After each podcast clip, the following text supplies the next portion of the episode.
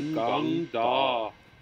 Hei, hei, hei, hei, hei, og velkommen til Den gang da, denne fantastiske historiske podkasten. Vi sitter her nok en gang for å snakke om historie. Mitt navn er Henning Mortensen, og jeg sitter da sammen med Jørgen Lie. Hallo, hallo. Hei, hei. Og Hans Rosvold Hontvedt. Oi, oi, oi. Går det bra? Stemningen er god. Ja. Vi skal jo snakke videre om eh, noe så spennende og sexy som læreplanen i, eh, og kompetansemål i historiefaget. Oi, ereksjon. Yes, oi, oi, oi. Nei, men det er faktisk litt spennende, og ikke minst så er det jo eh, en ny læreplan, da, for å gjenta det. En ny læreplan som kommer, og vi skal gå gjennom disse kompetansemålene som vi som historielærere er nødt til å gjøre, men også for å kanskje tenke at dere som er der ute, syns det er interessant å vite hva ungdommen er nødt til å lære. Ja, og for å sjekke hva du burde kunne. Ja, Eller tenke oi, jammen lærer de mye som ikke jeg lærte da jeg gikk på skolen. kan du Ja, tenke. ja. For det er jo definert som at eleven skal kunne. Mål, da. Mål for opplæringen er at elevene skal kunne. Kunne. Nettopp. Yes. Så eh, jeg tenker egentlig eh, vi bare hopper i det, hvis ikke dere har noe å tilføye før vi begynner. Nei, jeg syns dette her høres ut som en god plan. Ja. Ja. Og i dag skal vi inn på det kanskje litt mer spennende stoffet. Litt mer moderne tid. Vi har jo snakket om litt sånn generelle kompetansemål, men også litt sånn tidligere historie. Nå skal vi inn på eh, litt mer moderne tid. Og da bare leser jeg opp det første kompetansemålet. Er dere klare? Ja, for det er er, ferdig. det er jo en setning. Da vi skal, ja, det er, altså, det er ganske svulstige setninger, da, så beklager det til dem som eventuelt har skrevet dem. Men vi er jo nødt til å forholde oss til dem på daglig basis. Så da får dere som hører på også et innblikk i historielærernes liv. For dette er jo dokumentet vi får. Og vi skal sørge for at elevene skal kunne følgende. Gjøre rede for tanker og ideologier som har ligget til grunn for politiske omveltninger fra opplysningstiden til i dag, og vurdere betydningen av disse for utviklingen av det moderne demokratiet. Det er heftig. Ja, Det er ganske heftig. Skal jeg ta den en gang til, eller var det greit? Ta den en gang til, og så legger vi på litt musikk. Ok. Den gang, den gang, den gang da Gamle dager blir som nye Som en vasket fillerie. Den gang, den gang, den gang da Gamle dager blir som nye Som en vasket fillerie. Gjør rede for tanker og ideologier som har ligget til grunn for politiske omveltninger fra opplysningstiden til i dag, og vurdere betydningen av disse for utviklingen av det moderne demokratiet. Det ble mye bedre. Ja, Nå håper jeg du husker å legge på litt musikk. Ja, på det veit vi jo nå. Ja. Ja, det er derfor jeg sa det, for å minne oss sjøl på det. Mm. Ellers hadde jeg glemt det. Men hva, hva handler det kompetansemålet om, da, for å, for å Du, det litt? jeg lytta til musikk, så jeg fulgte ikke med. Altså, jeg tenker jo først og fremst at det er, det er, veldig, eh, det er veldig god lengde på det kompetansemålet. Fra opplysningstiden og fram eh, til i dag. Og sånn, ja. ja. Da snakker man 1700-tallet, 1600-1700-tallet og mm, ja, fram til i dag. Ja, og så er det sammenheng mellom ideer og samfunnsendring. Eh, omveltninger den, den, tar jo, altså, den sier jo ikke noe egentlig om sakte endring. Den sier jo politiske omveltninger, som jo er eh, noe som insinuerer brå endringer. F.eks. revolusjon. Revolusjoner, ja. Ja, så det den egentlig, og det, ja, altså det den egentlig, sånn som jeg leser det, er jo at den opplysningstidens ideer over til ideologier og demokratiutvikling. På en måte samkjørt inn i et læreplanmål. Og hvis vi begynner da Og dette er jo Man kan jo si litt sånn Ofte faller inn i en sånn litt eurosentrisk selvhyllelse av vårt eget tankesystem. Eh, men vi må jo begynne i opplysningstiden. Vi skal, ja. Ja. Vi skal til Frankrike, eller? Ja, det må du gjerne. Det er jo noen, eh, det er noen franske navn der som er sentrale. og eh, Hvis jeg tenker politiske omveltninger i kjølvannet av opplysningstiden, så er det jo vanskelig å komme utenom den franske revolusjonen. da. Ja, men de har tydeligvis klart å komme utenom den amerikanske, som er før. Ja, det er et godt, godt poeng. Det er et godt poeng. Den Den, jo- måtte du hoppe over. Den, Men, men ideen er ikke sant, opplysningstidens ideer. Fordi det, Opplysningstiden heter jo opplysningstiden nettopp fordi det er en eh, tid hvor man utforsker nye ideer, nye tanker om hvordan samfunnet skal styres. Man utforsker eh, Altså, filosofien eh, vokser. Eh, boktrykkunsten begynner å liksom få virkelige konsekvenser. Man får spredt ideer på en helt annen måte. Og man får en sånn antiautoritær, antireligiøs til tider også, i- idégrunnlag. Og man diskuterer dette rundt i kaffe, kafeer og eh, rundt omkring i Europa. Og grunnlag, altså de, de tre eh, F-ene er det vel, ikke sant, som er klassisk eh, fornuft, fremskritt og frihet, Ja. som liksom identifiserer dette idégrunnlaget. Hvordan man begynner å ta avstand fra den eneveldige konge, altså eneveldige kongedømmen, ideen om at det er forskjell på mennesker, ideen på at, eh, makten kommer ovenfra, og man får en idé om både demokrati og menneskerettigheter som man ikke har hatt tidligere i middelalderen og tidligere historie. Ja, og det er fort å tenke at vi i vårt samfunn vi tenker på dette som grunnleggende rettigheter i et samfunn. Det Altså, er veldig selvsagt for oss. Det er veldig selvsagt, men det er jo ikke det. I den tida her, fordi det er jo, det det er jo, en, det er jo en konstruksjon. Altså det er, det, dette er jo noe vi diskuterer med elever òg. Altså alle har like rettigheter, og alle har, eh, alle har rett til det og det. Og jeg er helt enig i det, men det er jo noe vi har funnet på. Fordi det er noen som har tenkt at hm, kanskje alle mennesker skal ha like muligheter og rettigheter i, i en eller annen sammenheng. Da. Og det er jo tanker som ikke nødvendigvis uh, er veldig utbredt før dette. Nei. Og sånn Konkrete ideer er jo sånn uh, folkesuverenitetsprinsippet, at makten stammer fra folket. Det er jo grunnlaget i et demokratisk Ja, eh, det er samfunn. demokrati, så er det jo det. Og, og det Altså fordi Et demokrati er jo ikke et fullstendig altså Det er jo ikke sånn at det er et fullstendig demokrati. Vi, vi overgir jo friheten vår. eh, til den grad at vi sånn enkeltindivider har jo egentlig ikke så mye råderett over hva vi, som er lov og ikke lov i et samfunn. Men totalen av men, samfunnsmedlemmene skal på en måte avgjøre som, hvem Ja. som styrer, og hvordan det styres. Og du er jo ideen. Og du ser det jo på den der demokratiindeksen som gis ut en gang i året, som eh, når vi spiller nå, ikke, det er ikke så lenge siden den kom. Og der, og der eh, driver man jo og kategoriserer demokratier ut fra hvor demokratiske de faktisk er. Og det handler jo bl.a. om folks eh, mulighet til påvirkning. Ikke, ikke nødvendigvis direkte påvirkning, men indirekte påvirkning eller følelsen av deltakelse og sånne, sånne ting. Da. Ja. Og der er folkesuverenitet essensielt. Og Sist jeg sjekka av den indeksen av ca. 200 land, da, eller 160 eller en sånn som er på den lista, så er det 40 som regnes som fullverdige demokratier. Ja. Og Men- så, så flesteparten er jo ikke det. Neida. Men, eh, men ideene kommer herfra. Ja, og ideene fra opplysningstiden er jo viktige for også de omveltningene som skjer. Man får jo, som dere nevner, den amerikanske revolusjonen, hvor eh, man kanskje ikke skaper et sånn altså man, Ideen om demokrati er kanskje mer enn den praktiske utførelsen, men det skaper grunnlaget for den amerikanske, eller USA, da. Ja, det gjør det. Og lever jo veldig, er jo veldig viktig for veldig mange amerikanere i dag. Ja. Ja, ja, og, og, og altså Maktfordelingsprinsippet for eksempel, er jo noe som får fotfeste der. Da. Eh, og det er jo en annen idé fra opplysningstida som også står veldig sterkt i de fleste moderne demokratier. Eh, Hva går det ut på igjen? Ja, Det er jo Montesquieu da, som, eh, som vil at altså, Tanken bak maktfordeling er jo at um, hvis man har makt samlet på for få hender, så misbruker man ofte makten. Det, det er typisk diktaturfrykten. er Litt på samme måte som, ag- som eh, grekerne frykta tyranner i antikken. Så prøver man å fordele makten da. Og for å bruke USA som eksempel, da, så har man dette systemet som kalles checks and balances, altså hvor man skal balansere ut makten gjennom presidenten og kongressen og domstolene. At det handler om hvis man gir like mye makt til hver, så skal de kunne regulere hverandre. Ja, eller som den utøvende makt, presidenten, kongressen som den lovgivende makt, og domstolen selvfølgelig som den dømmende makt. Ja.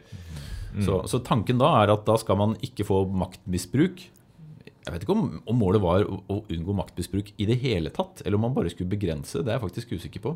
Men øh, jeg vet ikke, men det må jo altså, det, det- må jo være unngå så langt det lar seg gjøre. Ikke sant? Fordi Det er jo fortsatt mulig å misbruke makt hvis man samarbeider på tvers av disse, men, men Selvfølgelig, er- og presidenten velger jo altså styrer jo på, ja, på lang vei hvem det er som f.eks. skal sitte i Høyesterett. Ja.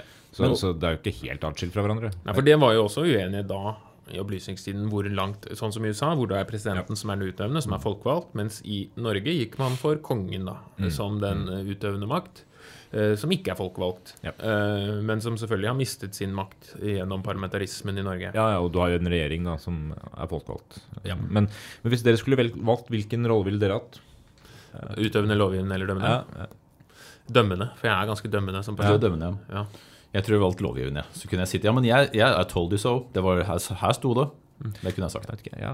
I så fall må jeg si at jeg er utøvende og får liksom alt, da. Men det er liksom eh, gøy å utøve det andre har bestemt. Ikke bare Variere. det. Ja, Og makte. og mekte. Ja. Mm, mekte. Mekte eller makte eller mukte. Ja. Men eh, ja, dette er i hvert fall et viktig prinsipp, da. Som Ja, kommer herfra. For derfor er, ikke sant, går jo opplysningstiden og ideene der, den franske revolusjonen Vi har snakket en del om dette tidligere, så jeg skal ikke gå i detalj, men det er jo en viktig del av denne utviklingen og den demokratiske utviklingen. Franske revolusjonen er jo en sånn bauta, en historisk hendelse som alle kjenner til, men kanskje ikke har så stor idé om hva som faktisk skjer. For det er jo kaotisk, men veldig kort fortalt så er jo det en hvor folket rett og slett nærmest tar makten. Det er jo en revolusjon. Man styrter kongen, tar til slutt livet av kongen. Men at det går så langt at det blir eh, ekstremt radikal, og man tar livet av alle man frykter er imot revolusjonen, og blir jo også en sånn eksempel på hvor gærent det kan gå for veldig mange. Ja. Og da kan vi gå litt videre liksom inn i den over på 1800-tallet, for Napoleon kommer til makten, og det er napoleonskrigene, og det er kaos. Men så ikke sant, kom man opp på 1800-tallet, så blomstrer jo på en måte ideen om demokrati videre. Eh, og disse ideologiene som uh, vi alle er så glad i, jo, får jo virkelig fotfeste. Og, og så, Ja. hvilke, hvilke ideologier er det det er sentralt å snakke om der, da? Det er jo egentlig et bredt spekter av ideologier i forskjellige retninger innenfor politikk. eh, som vi ser at liksom oppstår på 1800-tallet. F.eks. Ja, noen av dem røtter tilbake i 1700-tallet. Liberalisme, jeg bare name-dropper, så kan vi kanskje snakke om noen av dem. Liberalisme, konservatisme, sosialisme og sosialliberalisme. Og Ja, og, kapitalisme og sosialdemokrati. og Anarkisme og feminisme. Ja, nå stiger karakteren din på en muntlig Ja, eksamen. marxisme. Marxisme, sosialdarwinisme, Ja. nasjonalisme, ikke Ja, minst. for dette er jo som man, altså vi som historielærere forventer at elevene skal kunne si noe om. Mm, Og Ja, ja. ikke minst fordi det er ideologier som fortsatt er gjeldende i dag. det er viktig. Eh, kanskje ikke alle i like stor grad, men la oss begynne med liberalisme. da. Mm. Som, vi kan jo grovt sett skille mellom politisk liberalisme, som er den som stammer mye fra opplysningstiden. Ideen om at folkets, makten skal ligge hos folket, og folk skal få lov til å bestemme mer over seg sjøl. F.eks. også inspirert av nettopp revolusjonene på 1700-tallet. Ja. F.eks. den amerikanske. Og den politisk, nei, økonomiske liberalismen, som sånn idégrunnlaget knyttes ofte til Adam Smith, som snakker om hvordan den frie økonomien er bedre for både for individene, men også for samfunnet. ikke sant? Hvordan fri økonomi skaper økonomisk vekst, det skaper konkurranse, det skaper en sånn usynlig hånd som gjør at de dekker behovene i mye større grad, og at den økonomiske utviklingen vil Ja, så, så, Som er grunnlaget for den kapitalistiske Ja, sant? Så- modellen. Da. Ja, så Kapitalismen sier jo sånn at det, det man har behov for, det, det som folk ønsker, kommer til å bli dekket hvis man har frislipp av, eh, av eh, handel, f.eks. Ja. Og dette er jo en ting man ble enige om i eh, 1843. Altså hvilken grad skal være fri økonomi, og hvilken grad stat... Nei da, bare tulla. Det er jo var veldig konkret. det er jo det man fortsatt diskuterer. sant? I hvilken grad skal man få lov til å Ja. bestemme og styre sine egne penger? Hvor mye skatt Ja, ja, skal man betale? For eksempel fordi også altså kapitalismen har sine skyggesider. Eh, og det har vært mye kritikk, eh, selvfølgelig berettiga også, av, eh, av kapitalsystemet eller den frie økonomien, der Men er, noen taper. er fri økonomi et viktig grunnlag for et demokrati? Det er et godt spørsmål. Det er et godt spørsmål. Altså et, et demokrati kan være mynta på flere ting. da. Ikke bare, ikke bare én ideologi, ikke bare én tolkning av ideologi heller. Men, men frihet for individet er jo, ligger jo også i hvor mye du gir bort av din frihet til staten. I den såkalte samfunnspakten. Altså, ja, det er jo det andre poenget fra Ikke opplysningstiden. At, du, at eh, mennesket er helt avhengig av at staten skal styre på vegne. Fordi alle, Du kan ikke ha folkeavstemning om hver eneste lille regel. Du må ha noen du overlater noe av makten til. Og da er jo spørsmålet hvor mye makt skal du overgi? Og jo mer liberal du er, jo mindre mener du at staten skal blande deg inn i vanlige folks hverdag og regler. Og det er jo grensa, da. ikke sant? Um, hvis du tar amerikanske samfunnet som et eksempel, så er jo det et samfunn som er i stor grad basert på liberalisme.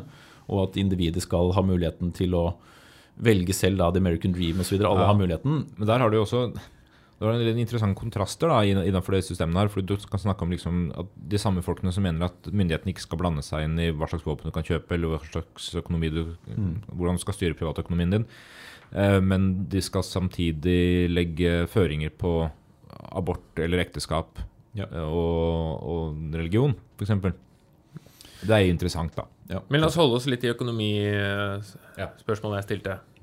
Er, det man avhengig av altså Jeg veit ikke, det er vanskelig å si. Altså, jeg jeg syns at hvis eh, Hvis du har liksom 100% statlig styring av økonomien, eh, sånn som du ser i kommunistisk gjennomførte regimer, eh, med planøkonomi og sånn, så det er klart du får jo en begrensning kanskje på, på folks mulighet til å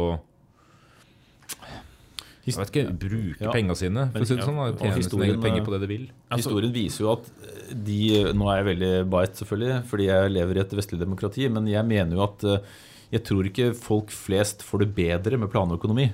Jeg tror kanskje at det gir større begrensninger, og da også begrenser demokratiutførelsen, fordi staten blir så styrende at, eh, at eh, kanskje allmennviljen ikke helt får råde, da. Mm. Men det tenker jeg, da. Ja, fordi fri økonomi Altså frihet, da, kan du kalle innebærer jo også økonomisk frihet. Eh, hvis du vil kalle frihet for demokrati.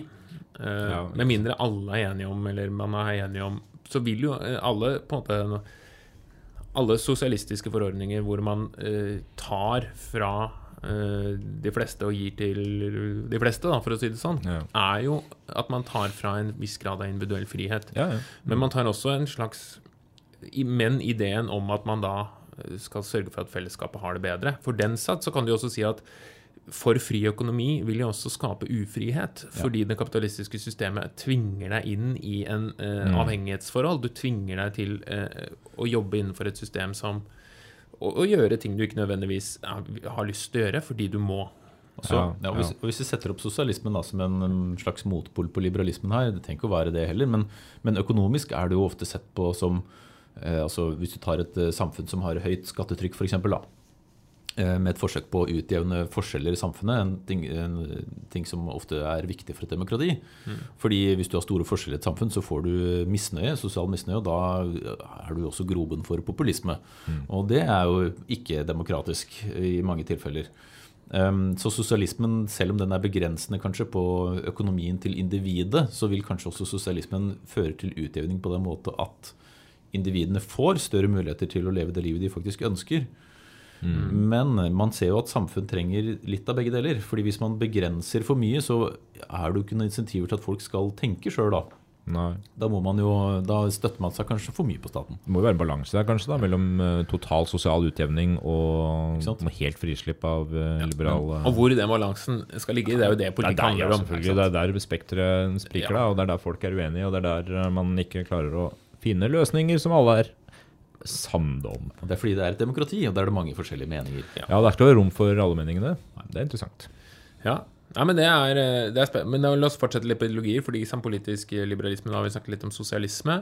Eh, en viktig ideologi på 1800-tallet, som også er viktig for, for demokratiutviklingen, er jo nasjonalisme, Ja, vil jo jeg påstå. Den var viktig, og er viktig, og har vært mindre viktig, og blir enda mer viktig. Ja, og, Det, ja, det kommer i mange former. ja, fordi du kan jo godt si at nasjonalisme kanskje, eller ideen om et samhold, da, er jo vært viktig i all tid. Ja. Enten det er eh, stammen, klanen, eh, byen det-. Ja, eller det religiøse fellesskapet. Ja. Så knytter jo mennesker seg sammen i, i grupper og gir seg en merkelapp. Og kanskje hvorfor nettopp demokratiutvikling og nasjonalisme henger jo sammen, er jo nettopp den ideen om at folket skal styre seg selv. Ja. Uh, ideen om at vi, folket uh, Men da må man jo definere hvem folket er, ikke sant? og det er der nasjonalismen kommer inn. Og nasjonalismen blir jo både konstruert, men også videreført på 1800-tallet. Eh, Hvis vi tar Norge, da. Norsk nasjonalis nasjonalisme er jo veldig knytta til eh, ikke dansk og svenskhet, da. Ikke sant? Det at vi har, for Norge er det veldig greit, fordi vi har to land som har styrt oss, eh, mer eller mindre, eh, i mange, mange hundre år. Eh, Danmark først, og så Sverige. Og det å etablere en norsk identitet ble et veldig sånn aktivt og viktig prosjekt. Så den Ja. norske nasjonalismen eh, på en måte både vokser jo fram fordi vi i ved tilfeldighetenes spill blir overlatt fra Danmark til Sverige i 1814, Mm. men som også videreføres og aktivt konstrueres på 1800-tallet. Ja. Eh, så, så nasjonalismen, og i den kampen nå, om selvstyre, ikke sant, så blir det jo mange demokratiske reformer i Norge. Eh, vi får eh, sant, parlamentarismen, da mest kjent i 1884. Det handler om at eh, da Stortinget er, bestemmer, basically. Ja. Ja. Så, så nasjonalisme er, er jo viktig for demokratiutvikling. Men nasjonalisme kan jo også fungere antidemokratisk. Det Ja. skaper veldig klare skillelinjer mellom oss og dem. Ja, uansett hva du bruker som grunnlag for å samle nasjonen, enten det er kultur eller politikk, da, som er liksom de to hovedlinjene, så vil du ekskludere noen når du inkluderer andre. Så, så også i norsk sammenheng i moderne tid da, så ser vi hvordan deler av den norske befolkninga kanskje ikke har vært like velkommen innenfor det, eh, det norske systemet. F.eks. minoriteter som samene og sånn. da, ikke sant? Og jødeparagrafen, som vi hadde Ja. på 1800-tallet. Ja, sånn at, eh, og, og du kan også si det at så lenge du har en politisk eh, em, politisk eh, nasjonalisme som sier at eh, hvis du er, støtter de norske ideene og du anerkjenner flagget osv., så, videre, sånn, sånn, så kan du kalle deg norsk, så, så vil du potensielt også ekskludere de som er uenig i den norske modellen. da. Ja, fordi vi, de vi, Hvis vi trekker det opp mot i dag, da, de vi ofte ser på som antidemokratiske, er jo ofte nasjonalistiske og konservative. Mm.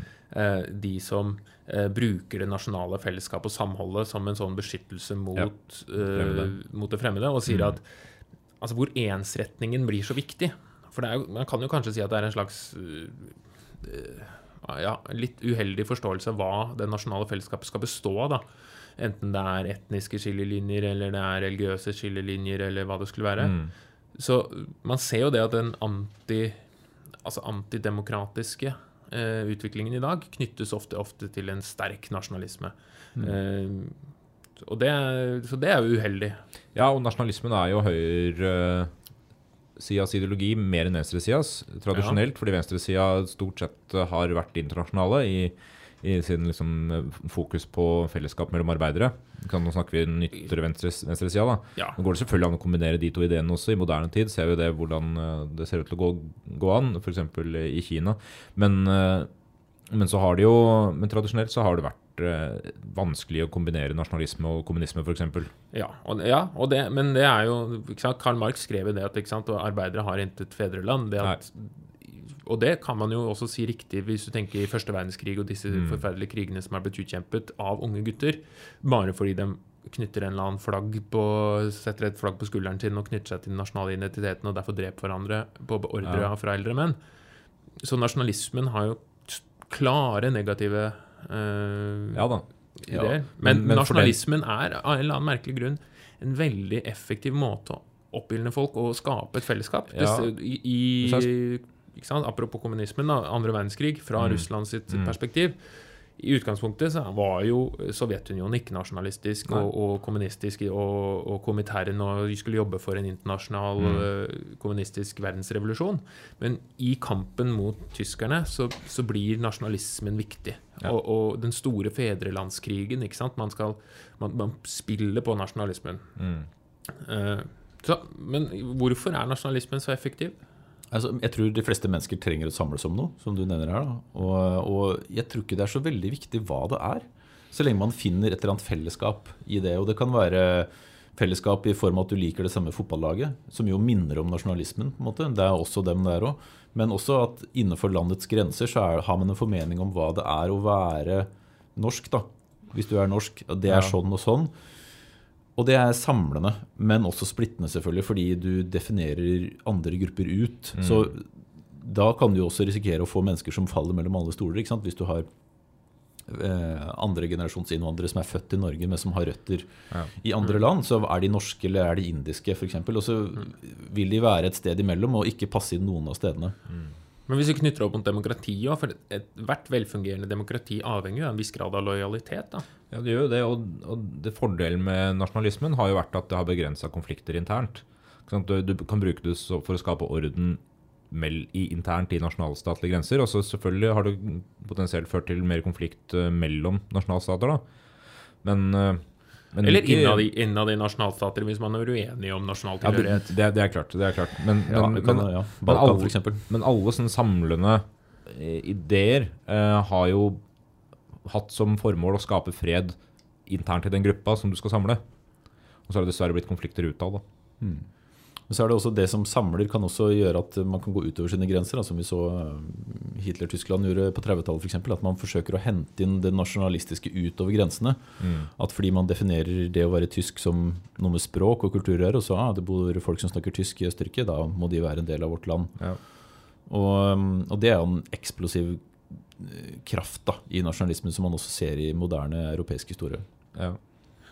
Men hvis vi trekker dette litt opp mot eh, sant? Vi skal utviklingen av det moderne demokratiet. Eh, det, altså, det moderne demokratiet, er det Det er jo flerfasettert. Altså, det er jo forskjellig i ulike land, og det er men for vi hører jo ofte om at verden stadig går i mer autoritær retning. eh, Det er flere autoritære ledere, og ikke minst politisk splittelse. da. Så hvis, hvis jeg kan stille det, fordi USA er jo interessant, fordi det, man snakker jo stadig om en økende polarisering.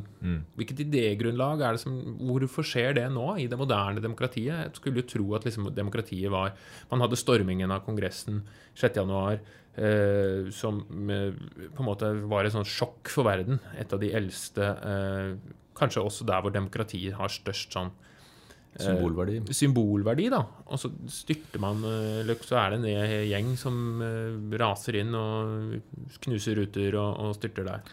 Ja, de kaller seg til de har, altså, Det amerikanske mantraet har jo lenge vært at de er det eneste demokratiet i verden. Eh, De kaller seg det sjøl, verdens frieste land, og sånn, og, så- og så skjer sånne ting. Så Land hva, ja, hva er det som fører til det, liksom? Nei, um, Men jeg, jeg, ja, unnskyld, nå stiller nei jeg, jeg vet ikke. Ja, jeg, jeg tenker at Det amerikanske systemet har jo mislykkes på mange måter i å få med seg alle. Uh, og amerikan, altså, det å være amerikansk, det er man Det er man ikke nødvendigvis enig om, da. Hva er? det? Nei, ikke sant? Fordi det, det, det er et polarisert land på den måten at det er et topartisystem. Og, og det, det har sine fordeler i politisk stabilitet, selvfølgelig, men det gjør også at du får en veldig sånn svart-hvitt syn på er du enten demokratisk eller republikansk. Og når, når institusjonene ikke lenger klarer å samarbeide, som vi har sett i en stadig økende grad de siste 15-20 åra, så får man jo også dem. Og så kombinerer man det her med sosial eh, uro, en reallønnsvekst som ikke har vært, eh, som har stått på stedet hvil siden 70-tallet for eh, store deler av Midtvesten. Så har man et helt samfunn som, hvor man føler at det politiske systemet ikke snakker til dem. Og man har et system som, som ikke klarer å, å løse de viktigste problemene. Fordi man, det stopper, det stamper i samarbeidsproblemer når man kommer til høyt politisk nivå. Ja. Um, Og jeg syns også det amerikanske med Når Trump tapte valget, og til stadighet hevder at han ikke har gjort det, det er jo også en demokratisk diskusjon. Fordi den ene parten sier at demokratiet feila fordi eh, fordi det var rett og slett praktiske ting som gjorde at sant, jeg ble stjålet min valgseier. Jeg vant egentlig. Eh, mens den andre siden ser jo hvordan demokratiet feiler nettopp fordi man ikke aksepterer demokratiets beslutninger. Når man begynner å betvile demokratiets beslutninger, eh, så er jo på en måte demokratiet Det er på halten. Ja, ja, for er Legitimiteten i demokratiet handler jo om oppslutning, naturlig nok. Det kan være interessant å, å se hvordan denne utviklingen foregår gjennom neste presidentvalg. Det er Ja, mange som er ja, spent på. Men ikke sant, for det er jo noe man kanskje ikke ofte tenker på demokratiet. Har så veldig mye sånn praktiske utfordringer. Hvem skal stemme? Hvordan, Hvor mye skal én stemme telle? Skal det stemme skal by, skal, Er det én person, én stemme? Amerikanerne har jo valgt en sånn valgmannsordning som, som er ganske komplisert. Men, og i Norge har vi også en, en fordeling ut ifra fylker og hvor du tilhører. Ja, ja, ja. Noen stemmer beteller Altså det er fylkesrepresentanter og sånne ting på på Stortinget. Så det, det er jo en praktisk eh, utførelse av demokratiet som Mm. er vanskelig, og som krever mye eh, gjennomtanke og og, og, teknisk tillit, kompetanse. Det krever tillit til at systemet er der og skal virke på vegne av fellesskapet. Og når man begynner å betvile det, så er man jo på Ja. en det- skummel retning da. Og det er der USA er komplekst, da, også fordi tilliten til systemet Du kan si kanskje at den har vært eh, Vet ikke hvor, hvor, om noen gang har vært sterk, og det her handler jo nettopp om liberalismen, kanskje. ikke sant? At så lenge, så lenge den amerikanske drømmen er at alle har muligheten til å klare seg helt på egen hånd, så er det vanskelig å få oppslutning eh, om eh, og, og tillit til et system også blant de som ikke nødvendigvis har klart seg. Ikke sant? Fordi alle ser for seg at greit, jeg har ikke klart meg, men det kan hende jeg klarer meg i morgen. Og da er det dumt hvis jeg støtter noe som begrenser min frihet i dag. Fordi da må jeg også gi fra meg den når jeg faktisk har tjent meg til milliardær i morgen. ikke sant? Ja. Fordi den amerikanske drømmen handler ikke om hva du har, men det handler om hva du kanskje kan få. Um, ja. Men det er, det er jo eh, eh, viktig å snakke om demokratiet. Så vi har jo ikke nevnt andre verdenskrig og sånn. fordi det som er jo både skummelt og fascinerende, er jo hvordan demokratier velger seg vekk fra demokratiet. Ja. Eh, Og det er jo kanskje det man frykter i eh, den amerikanske tilstanden. Det er jo det som man kanskje har sett skjedd i Russland og andre, andre stater der det blir stadig mer autoritære ledere som bruker demokratiet og, og gjennom demokratiske prosesser blir stadig mer autoritær. Eh, sånn som selvfølgelig Hitler er jo et godt eksempel på hvordan han i utgangspunktet ble valgt til rikskansler, men når han først var der hvor han hadde makt, eliminerte alle politiske motstandere, innførte ordninger som gjorde at han fikk stadig mer makt. Så man bruker demokratiet, men, dem, men også da fjerner demokratiet. Ja. Og det er jo det vi håper ikke skal skje i den moderne verden. Ja, fordi vi liker å tro at demokratiet er det riktige. Ja, Det er, jo, det er jo det vi er vokst opp i, og det er jo Jeg mener jo det. At selv om man, Så selv om- naiv, naiv ja. du er, Jørgen. Ja, men selv om, selv om det er et system som vi har funnet på, så er det på en måte, som Churchill sa, det er det beste av det verste. Mm. det ikke det? At liksom, det er ikke det perfekt, men, men alternativet er verre. Da, og jeg tror ikke folk helt uh, innser hva demokratiets uh, fordeler er før de er i ferd med å miste det. Det er litt som ytringsfrihet, at du tar det for gitt ikke sant, så Ja. lenge du har det. Men det er jo også fordi ytringsfrihet er en veldig viktig del av demokratiet. Nok en ting. Demokratiet er mer enn en praktisk uh, forordning. Det er på en måte en, en, et ideal. Det er troen på at alle skal få lov til å si og tro og mene hva de vil. Ideen om at uh, man skal være fri til den grad at man ikke, ikke sant? Litt kardemommeloven, da. Ja. Du skal ikke plage andre, men være snill og grei. Så, så demokratiet er jo mye mer enn bare stemmerett. Selvfølgelig stemmerett er én ting, men altså, aktiv deltakelse er mye, det. Um, ja, Vi, vi kan, trenger ikke å komme så mye inn på Det har jo skjedd ting i, mellom Russland og Ukraina de siste dagene som vi ikke skal si så mye om nå, for vi veit ikke helt når, uh, når det her høres på, i, kontra når vi spiller inn. Men, men uh, demokratiet er jo helt åpenbart på hell her og der. på en måte. Uh, det autoritære ser ut til å være på tilbakegang, ja. Kanskje man finner på et nytt system som er bedre? For det er jo også Opplyst enevelde. Problemet er at de færreste enevelder er opplyste. Ja, ikke sant? Nei, og spørsmålet er jo alltid man, når det er sånne konflikter hvor det er en leder eller en gruppe med eh, folk som tar avgjørelser, som, men det blir jo fullt. Men allikevel så skal man jo ikke klandre et folk for ledernes beslutninger, samtidig som det er de som utfører ordrene, men det, det er vanskelig å la være. Det er, det er en sånn balansegang Mm, mellom de som styrer og de som blir styrt. Ja. Fordi altså, krigene utkjempes jo av unge menn, Mm. eh, som gjør det de blir bedt om. Eh, og i hvilken grad er man da ansvarlig for det? ikke sant? Eller i hvilken grad er det lederne og sånne ting. Det er i stor grad kanskje et filosofisk spørsmål, Det blir- egentlig. Den gang da. Men, men vi, vi la det være med det. Vi må hoppe litt videre, for vi har ett kompetansemål som på mange måter kan knyttes inn på mye av det vi har snakket om. Og det er, er det, Skal vi legge på musikk nå, eller? Ja, nå kommer en jingle. Ja. Og, og musikk oppå, ja. Ja, musikk oppå kommer også. når jeg leser opp. Ja, Først jingle, og så musikk. Ok, det var jingle. Da, da, da leser jeg det opp. Eh, eleven skal altså kunne, og da, da også dere skal kunne. Og vi bør jo kunne. Shit. Reflektere over hvordan teknologiske omveltninger fra den industrielle revolusjonen til i dag har endret menneskers liv og formet forventninger til framtiden. Ja, Teknologi, altså. ja, altså Hvis vi knytter det opp mot det tidligere kompetansemålet vi har snakket om, så handler det om utviklingen av det moderne samfunnet. da, ikke sant? Både Eh, politisk har vi snakka om, og nå er det teknologisk. Nettopp. Så sånn typisk historielærergreie da, at vi lager et prosjekt som heter 'Utviklingen av det moderne samfunnet', så knytter vi de kompetansemålene, både politisk og teknologisk utvikling, og hvordan det har påvirket menneskenes Ja, vi bruker to. Yes. Og eh, her, ikke sant, den klassiske der er jo å begynne en industriell revolusjon, som selvfølgelig er jo en ekstremt viktig prosess. Syns du det? For jeg syns ikke den industrielle revolusjonen er så viktig. Jeg tenker at det har ikke bidratt så mye, egentlig. Ikke sant? Og det, det Det henger var jo ironi, da. Ja, var ironi. Jeg skjønner ikke det. Nei, ok. Ja, det var ironisk. Ok. Jeg tok, jeg tok ikke men Jeg skjønner, nå er jeg helt på tur. Jeg skjønner ingenting. Eh, så ikke sant, i en industriell revolusjon eh, Fra manuelt arbeid Ja. til maskiner, og fra hester til dampmaskin. Nå har vi jo behendig unngått alt det tekniske pratet når vi har snakka om ideologiene, men de henger jo sammen. Helt klart. Fordi eh, liberalismen, for eksempel, da, som vi innleda her i stad, det, det er jo en av grunnsteinene for at den industrielle revolusjonen faktisk eh, skjedde. Fordi man, man legger til rette for at folk med penger kan bruke dem slik de vil. F.eks. til å utvikle eh, teknologi eller industri for å tjene penger. Ja, Ikke sant? for nå snakker du om økonomisk liberalisme. Ja, Ikke sant? ja, ja, økonomisk liberalisme. Vilje til å investere penger for å tjene penger. For eksempel, hvis vi ser på den gamle, gode branntrekanten, hva skal til for at brann oppstår? Branntrekanten? Ja, Husker du ikke den? Nei? Det skal øh, øh, varme, Varme?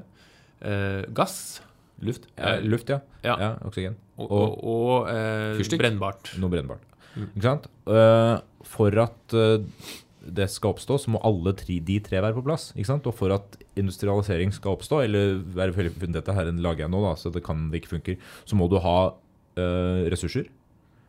Um, Du må ha Ideer. ideer, Ideer, ja. og du må ha vilje til å bruke ressursene på ideene. på ideene. ja, og Det er det, vi- det er det vi historikere liker å skille mellom forutsetning og ja, drivkrefter. nettopp. Fordi ressursene og ideene er en forutsetning. Viljen er en drivkraft. Ja, Det er forutsetning av alt sammen, egentlig. jeg til. Men uh, det er derfor noen land industrialiseres tidligere enn andre. Fordi F.eks. i Storbritannia så ser vi hvordan de med penger har viljen til å investere de pengene i ny teknologi. Mens i Russland så sitter folk og har det greit. Ja, De rikeste sitter og har det greit på det tidspunktet her, altså 1700-1800-tallet. Eh, De har ikke noe behov for å pøse pengene sine inn i ny teknologi. Og da skjer det heller ikke. Ja, Så dampmaskinen, hvordan har den endret menneskers liv? Og formet forventninger til fremtiden? Den har jo skapt forbrukssamfunnet, da, i bunn og grunn. Fordi man klarer å produsere ting billigere og raskere, og dermed at flere får lov til å kjøpe det.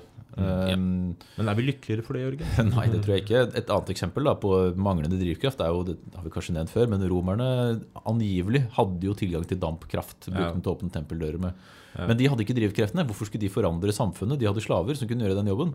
Hva er poenget? Men Men er, nå er vi jo slaver av teknologien. Det er godt sagt. Det første ordet i kompetansemålet reflekterer, skjønner du. Så Ja, derfor ok. gjør jeg det. Men, men eh, man får i hvert fall veldig tilgang på stoff. Ja. Altså ikke rus, men, eh, men stoff som er billig. Produsert. ja, klær, Ja, klær, ja. Men poenget, sant? den teknologiske utviklingen har jo uh, i aller høyeste grad preget eh, måten og forandret måten vi lever på. Ja, ja, ja. Altså alt, Vi snakket jo om nasjonalisme. altså Nasjonalstaten som institusjon er jo avhengig av et byråkrati, av kommunikasjonsmidler, av uh, produksjonsmidler til å opprettholde en stor befolkning. Eh, så nasjonalstaten som, som enhet vil jeg si eh, er i stor grad avhengig av eh, industri. Men også den globale ja, den globale, verden. globale handel. imperialismen. ja, og bare det at man går fra å være mer eller mindre selvbergende bønder, stort sett alle sammen, til å bo i byer, til å, som du sier, ha et forbrukssamfunn der vi kjøp og salg og lønnsarbeid, klokkesamfunn, hvordan vi, Ja. hvordan vi styres av klokka og ikke årstidene og sola. Krigsteknologi. Ja, man kan, det, er, en slags effektivisering av eh, produksjon, selvfølgelig. Men Det det. Ikke, ikke bare i produksjonen i seg selv, men det at man kan på en måte frigjøre eller øh, redd, hva skal vi kalle det, omplassere arbeidskraft. da. Fordi som du sier, Henning, hvis istedenfor at alle sitter og produserer det de trenger inne på sin egen gård, så kan man si at jeg produserer bare det her. Og så kjøper jeg alt det andre jeg trenger, fordi at samfunnet er lagt opp på en helt annen måte enn selvberging. Man, skal liksom, man kjøper og selger. Ja, og, og kjøp og salg har man jo hatt eh, til all tid, men, men i den, det omfanget og den Ja. måten Og ikke som selve grunnlaget for livet. Det, det har det ikke vært i, i alle samfunn. i hvert Nei, fall. nei, nei. Nei. Og øh, hvis du tenker da også ta altså hvordan vi lever, men også hvordan det er formet forventninger til fremtiden, det er jo litt viktig. Fordi det skaper en ny tidsoppfattelse, enten om Mm. Det det, skapes av eller eh, er en forutsetning for. Men ideen om altså fremtidsoptimisme, Mm. teknologien som skal løse Mhm. alle problemene.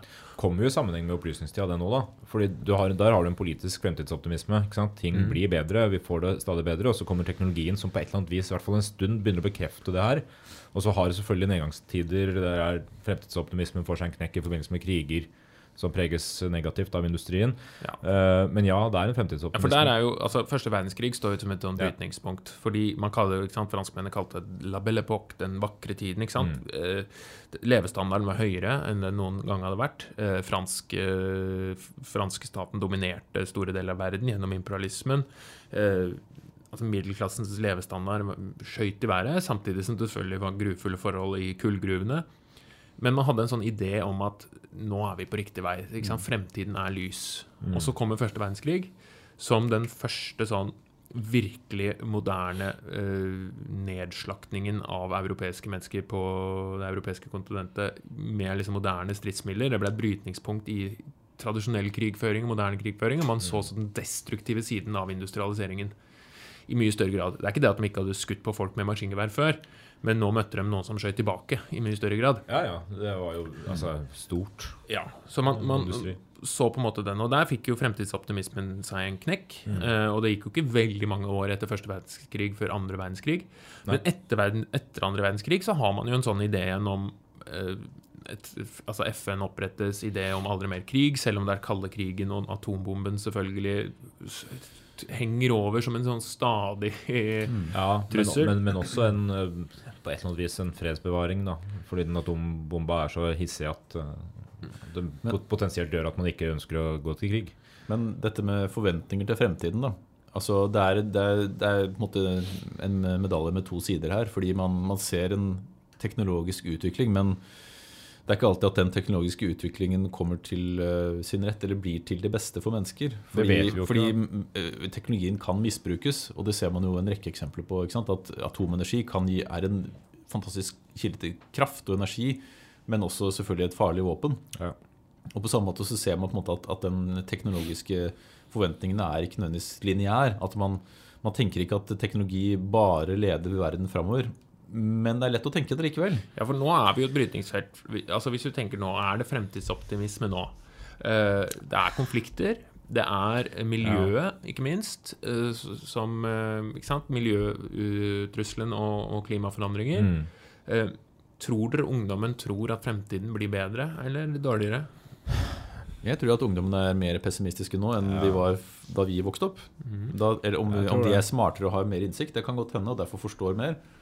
Men, eh, men det, er, det er kanskje en større bevissthet rundt hva slags utfordringer også ikke nødvendigvis teknologien fører til, men hva verden gjør fordi vi bruker teknologi. Ja, fordi det er jo, ikke sant, Vi kan jo knytte teknologi til levestandard, eh, både på produksjonsutvikling, at vi får stadig mer ting til billigere penger, men også at det gjør livene våre mer behagelige eh, gjennom teknologi. Vi kan sitte hjemme og bestille alt vi trenger og få det levert på døra og alt det der. Eh, Vi forventer at det skal bli lettere. ja, fordi vi er jo et brytningspunkt også nå hvor man kanskje må ta? Du har de som kalles teknologioptimister, de som tenker at Mm. teknologien vil løse eh, også miljøproblemer, klimaproblemer. Det vil skape nye løsninger. Vi må ha, bruke teknologien til å skape, men allikevel hvordan levestandarden stadig øker. For vi er vant til en stadig økende levestandard. Men så har du jo også noen som sier at nei, vi må gå ned i levestandard. Det materielle forbruket må ned, vi må, vi må bruke mer eh, fornybart og liksom Så, så hvor, hvor fremtiden går, er jo også det det kanskje strides litt om. Eh, Uh, ikke det at jeg har noe svar. Nei, nei, men det er jo refleksjon. Da. Ja. Uh, da, da farfaren min døde for mange år siden, så fant vi en gammel stemmeurne i kjelleren hans. Eh, en sånn ja, god gammel sånn du putter stemmeseddelen i, liksom. Eh, Det var ikke spyttebakken. nei, med riksløven på, det var ikke måte på. Ikke sånn grønn uh, greie. Uh, man skal ikke ha det, jeg vet ikke hvorfor han hadde det. Men, eh, men eh, det er den gode gamle måten å stemme på. Du putter lappen din oppi der. Eh, I USA ved forrige valg så har man snakka om liksom, det var poststemmer og det var eh, digitalt. og det er liksom, Jeg vet ikke hva som er enklere. Eh, men flere folk, flere digitale muligheter også i demokratiet. Det, det henger jo sammen med dette her. Men, men, om, eh, men om det kommer til å gå bedre, liksom? Jeg vet ikke. Ja, jeg har ikke noe har, Det er så vanskelig å vite. Altså, men, det- hvis, men du vi ser på, men- hvis du ser på uh, levestandarden til det globale samfunnet, så er den jo på vei opp. Det er den. Uh, og da siterer jeg selvfølgelig Hans Rosling og hans, uh, hans bøker og statistikk på at det er veldig fort gjort å tenke at liksom alt er mørkt og svart, og at verden blir stadig verre. og vi, Nå er det krig i Ukraina, det er miljøet og alt det der. Men levestandarden blant de aller fattigste går opp. Ja, ja. Eh, Du får en Altså, de, de på midten blir stadig økende. Mm. Mm, Men så er jo spørsmålet levestandarden for oss helt på toppen. Kan den øke like, mer. like mer? Og, og er, kan vi forvente å få er det, er det riktig av oss å si at Og er det ønsket? Vi må også bli rikere og få mer og hele tiden? Eh, Men jeg, jeg prøver å kjenne liksom på meg sjøl om, om jeg forventer høyere levestandard på en måte, enn det jeg har. du Det er- forventer vel at den nye iPhonen din er bedre enn den forrige? Ja, på et eller annet vis gjør jeg jo det. Men det er samtidig ikke sånn at jeg går rundt og liksom tenker oh, framtida. Uh, det blir bra. Jeg veit ikke helt. Men jeg, jeg tror jo også det med teknologi at man man tenker jo ikke framover nødvendigvis. ikke sant? Man finner opp noe nytt, og så er det fint der og da. Og så tenker man jo ikke nødvendigvis på konsekvensen av det. Det klarer man jo ikke. Nei, for det går, det går jo uhorvelig fort. Ja, ja. Og det er en sånn eksponentiell vekst når det kommer til teknologiutvikling, så det er vanskelig å forutse hva som kommer til å skje om 10 år, 20 år, 30 år. Og, he, men Og, og 30 år er plutselig blitt kjempelenge. Ja, ja, det er det. Fordi man venter ikke, man, man er ikke vant til å vente så lenge. Det her, alle har blitt barn på en måte, i tidsperspektivet sitt. Jeg husker da jeg var liten og man så liksom her skal de bygge et eller annet nytt. Så tenkte jeg fader, fem år? Og det er kjempelenge. Nå er ikke fem år så lenge i sånne perspektiv lenger. ikke sant? Nå skal bygge en ny bru et eller annet sted, og så er det fem år. Men, øh, men, men på andre områder så er det veldig lenge å vente hvis man må vente et år på en ny modell av bilen. Liksom. Ja, men, ja fordi det, jeg syns jo det er fascinerende med at jeg tenkte altså Hvis vi hadde levd for 300-400-500 år siden, eller whatever, så hadde jo 30 år vært Altså, fra nå om 30 år så hadde ting sett noenlunde likt ut. Ja, du hadde vært dau òg, Ja, mest sannsynlig. Men, men ting forandret seg saktere, og det var mer statisk. Hvis jeg tenker for meg nå, om 30 år, da, så ser jeg for meg et helt annet samfunn. Kanskje litt eh, og, For hvis du tenker tilbake 30 år, så var det et helt annet samfunn. Og hvis man skal tro på det, så går jo ting bare fortere. Så, ja. Men samtidig, altså Fordi tidsperspektivet endrer seg, så har jo potensielt ting alltid gått fort for de personene som til enhver tid har levd, da. Ja, men for 30 år siden Hans, jeg måtte dra fysisk i en butikk for å leie meg en VHS-film. Ja. Hæ? Tenkte jeg det? Ja, ja, ja, ja, men du tenkte ikke da at Gjør dere ikke oi, det fortsatt? Men du, da tenkte jeg ja, du er shit. fra Østfold, der har de VVS fremdeles, men du tenkte jo ikke det for 30 år siden, Henning. Ja. At uh, oi, det var rart at det er sånn nå. Du Altså, jeg er så gammel at når jeg uh, fikk bil første gang, så hadde jeg kart i bilen som jeg måtte brette ut på panseret eller på Jeg hadde, dashbordet. jeg hadde kartbok i bilen fram til for tre år siden. Ja. Men du brukte den ikke? Uh, Vi var på tur gjennom ja. Europa og satt og studerte en- kart. Måtte planlegge hvor gøy, vi skulle kjøre. Jeg har en relativt kartglad svigerfamilie, så kona har brukt kart i bilen, ja. Vi spurte om veien uh, isteden. Ja. Nei, men det er jo Altså, ting går fort, og ting utvikler seg. Det, men ikke sant, er det Jo, jo, men, men, holdninga er bare det at folk for la oss si 100 år siden visste ikke at om 100 år så kommer det til å gå så fort at dette her er ikke fort. De, har jo, de tenkte at dette her går fort for deres del. Ja, og For det var eksempel, det da, jo. for eksempel da toget kom, ikke sant? Ja. hvordan de så for seg et tog som beveger seg i kanskje 30 km i timen, er antakeligvis usunt for mennesker å bevege seg så fort. Men man kan vel egentlig si fra 1750, da, fra den industrielle revolusjonen fram til i dag, så har det gått kjempefort. Og fortere, Ja, ja, herliga Hvis London du ser de tusen årene som var før der, med Ja, ja, begrens... Altså selvfølgelig en del noe utvikling, men, men det gikk det gikk, gikk gikk, over generasjoner. I dag så er livet ditt ekstremt annerledes fra du er født til du dør. Ja, ja. eh, hvis du lever et normalt Ja, livsløp. Og det, det ser jeg for meg for mine barn. altså Det er vanskelig for meg å forholde meg til den verden som en, som de vokser opp i. Fordi, altså Jeg klarer jo å forholde meg til verden, det er ikke det jeg sier, men deres verden er annerledes enn den jeg vokste opp i. Fordi vi hadde ikke internett. Nei, og ikke sant, iPad og, og alle dette greiene her. YouTube eh, fantes jo ikke. Nå er vi gamle. Ja. ja, nei, men altså, Det er en helt annen verden. Og, men det blir enda vanskeligere for meg å se for meg den verden som deres barn skal vokse opp i. Altså mine barns barn. Det er det som kalles barnebarn, Jørgen. Uh, det, det, det er det, er liksom lett for meg å se for meg at den situasjonen som er nå, er det også den som vil være da. Men det er jo ikke det. Nei, det vil er være helt annerledes. Jeg jeg, jeg, vi, Men jeg syns det, det, er litt gøy. Da. Jeg syns det er spennende. Det, jeg, jeg ser fremtids... Ikke nødvendigvis optimist eller pessimist, men fremtidsnysgjerrig. det, er, det. er jo fint å være, da. Altså, jeg er åpen for alt. Jeg er ikke alt. Jeg er åpen for en del ting. Men Vi, vi leser uh, Ole Alexander-bøkene uh, nå for dattera mi. Ole Alexander Filip Bom Bom Bom. Ja, og resten av bøkene, oppfølgerne. Han får seg skjorte, det er én bok, da. Så. Nei, jeg er ikke så Får seg skjorte? Ole Alexander får skjorte. Ja, ja, det er en bok. Får seg skjorte. Og poenget, Det er gode bøker. Fine, de. Dattera mi koser seg med dem. Uh, Jeg leser stortingsmeldinger, jeg. For, ja, ja, ja Felleskatalogen. Nei, men, hun er, men poenget er at Ole Alexanders første boka kom eh, noen år før eh, bestefaren til dattera mi ble født. Ja. Og det å prøve å forklare henne at liksom det, For det hun hører om i de bøkene, er altså, det er bare en, et barn som har det fint, liksom. Har trehjulssykkel og alt er greit. Eh, det er ikke noen referanser til på en måte at dette er 1950-tallet. Nei. Eh, men noen ting dukker opp der som jeg må forklare, liksom. At uh, ja de hadde ikke flere enn én bukse omtrent i uka. eh, og så hadde de en egen bukse på søndager. Det er derfor han har lapp i buksa, og de andre ler han. liksom. Men sånn var det. Man hadde ikke så mye før. ja. Men det, men det å prøve å få til å forstå liksom at eh, de, de levde et ganske annet liv da, i 1950 med tanke på ressurser osv. Og, så og at uh, Ole Alexander, som er like gammel som deg her, han er eldre enn det farfar er. Ja. Det er, jeg vet ikke Vanskelig- om det går inn. for- ser ja. tomt ut i lufta, men det ja, men det er, det er fascinerende, og det, det stiller jo ut Nå skal vi ikke gå inn i foreldrepraten, men vi, vi gjør det allikevel. Vi har gjort det for Altså, lenge siden. Men sånn som jeg, tenker- altså, min far, da da han vokste opp, så var f.eks. lørdag på godteri fordi, eh, godteri på lørdag fordi det var da du det var da man hadde mulighet. Ikke sant? Man kunne, hadde ikke råd eller mulighet til å kjøpe godteri hver dag. Ikke sant? Når jeg vokste opp, så var det mer tilgjengelig godteri, men man måtte fortsatt holde på regelen. Ikke sant? At Ja, du, du, kan ikke spise godteri hele dag. Nei. Og, men når jeg vokste opp, så var det barne-TV klokka seks, og det var det. Ja, ja, ja. Og så var det noe Cartoon Network, husker jeg, vi fikk etter hvert som jeg ble eldre, men da var jeg for gammel.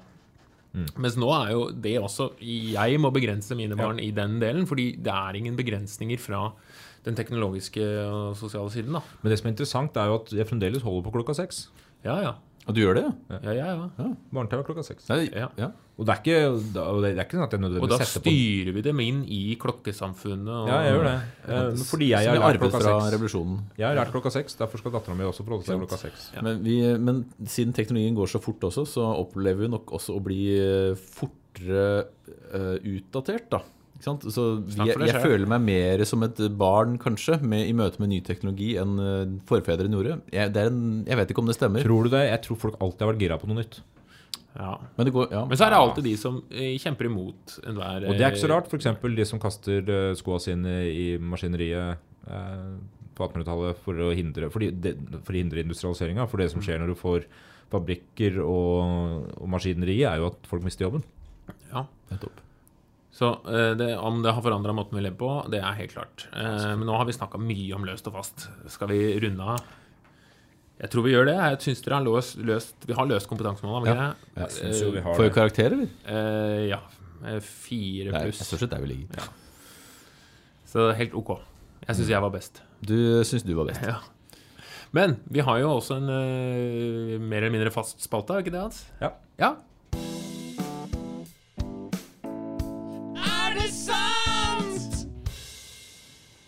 Ja, eh, vil dere ha Altså, vi, jeg har en Jeg har to her i dag. Muligheter. Ja. En som handler om eh, industri på et eller annet vis, eller noe sånt. Ja.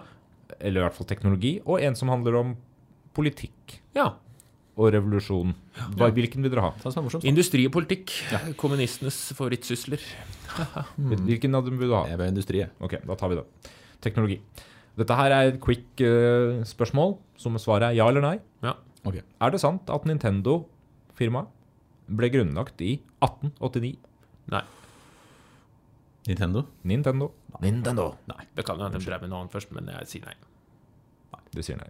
Jo da, det ble grunnlagt i 1889. det? Ja. Lagde de sykler eller noe sånt. Kort, kort spill. Sånne ting. Alltid driver med spill, men analoge spill. da. Ja. Hopp er ikke så jævlig langt. bare så jeg har sagt. Interesting. Nintendo altså 1889. Kanskje som en del av Japans vestlige vending etter eh, endringene på, kulturendringene på slutten av 1800-tallet. Jeg vet ikke. Jeg gjetter. Ja. Men det er fordi jeg er god til å gjette. Ja, ja. Det var jo egentlig, Jeg burde jo skjønt det, for det var et veldig rart spørsmål å stille. Nei, ikke nødvendigvis. Ja. Det kunne være noe sånn tull. Nei, det var 1988. Ja. Men, eh, men nei, nei 1880, 1889 var dette. Coca-Cola 1886, så vidt jeg husker. 100 år før meg. Ikke at jeg ble funnet opp, men Ja, nei, men da sier vi takk for nå, vi. Hyggelig å prate med dere igjen. Ha det bra. Den gang da, den gang da. Episoden ble jo bra den gang da. Lytt på nytt til alt vi sa. Frem til neste den gang da.